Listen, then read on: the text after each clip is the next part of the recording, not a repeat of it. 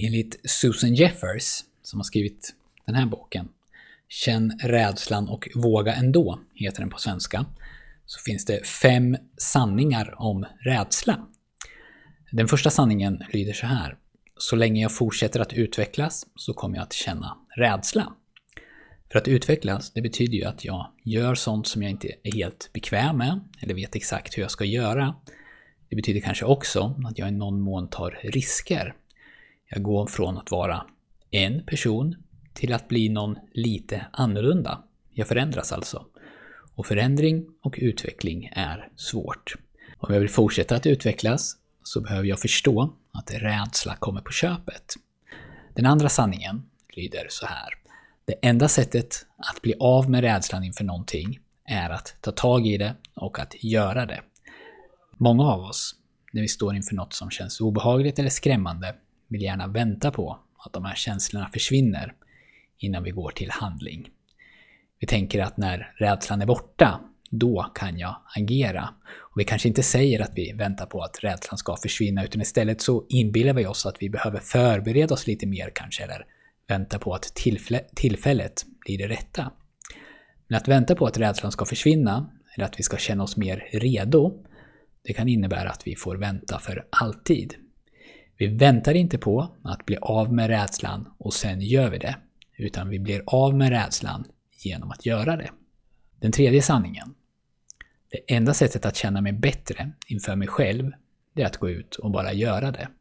Det är ju inte en skön känsla att känna att jag har givit mig själv ursäkter för att inte göra det som jag ville göra, eller som jag tycker att jag borde ha gjort. Om jag i varje sånt ögonblick backar tillbaka och inte gör det, då kommer det förr eller senare sätta sig på min självbild.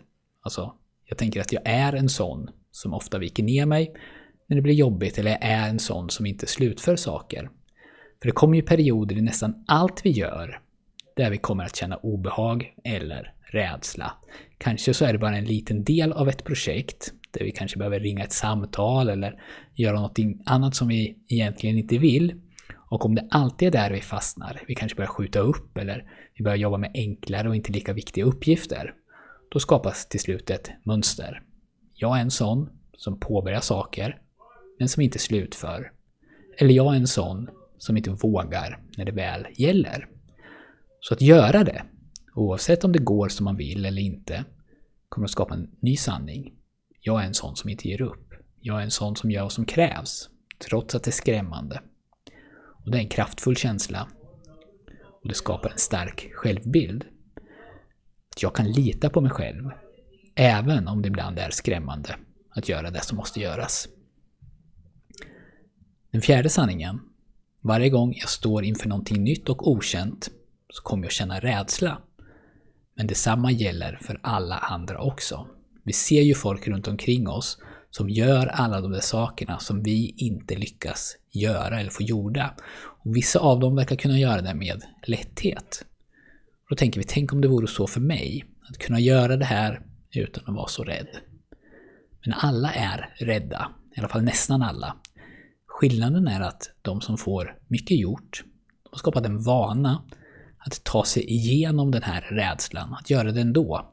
Till slut så blir man förhoppningsvis inte lika rädd för känslan rädsla, utan man vet att det är någonting som kan övervinnas. Att känna rädsla är naturligt, och alla gör det.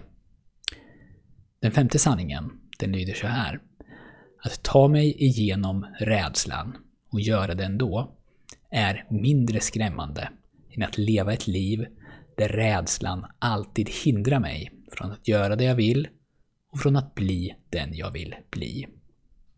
Krävs nog ingen kommentar för den sanningen. Att göra det är mindre skrämmande än att inte göra det och för alltid behöva undra, tänk om. Boken heter som sagt Känn rädslan och gör det ändå och den är skriven av Susan Jeffers.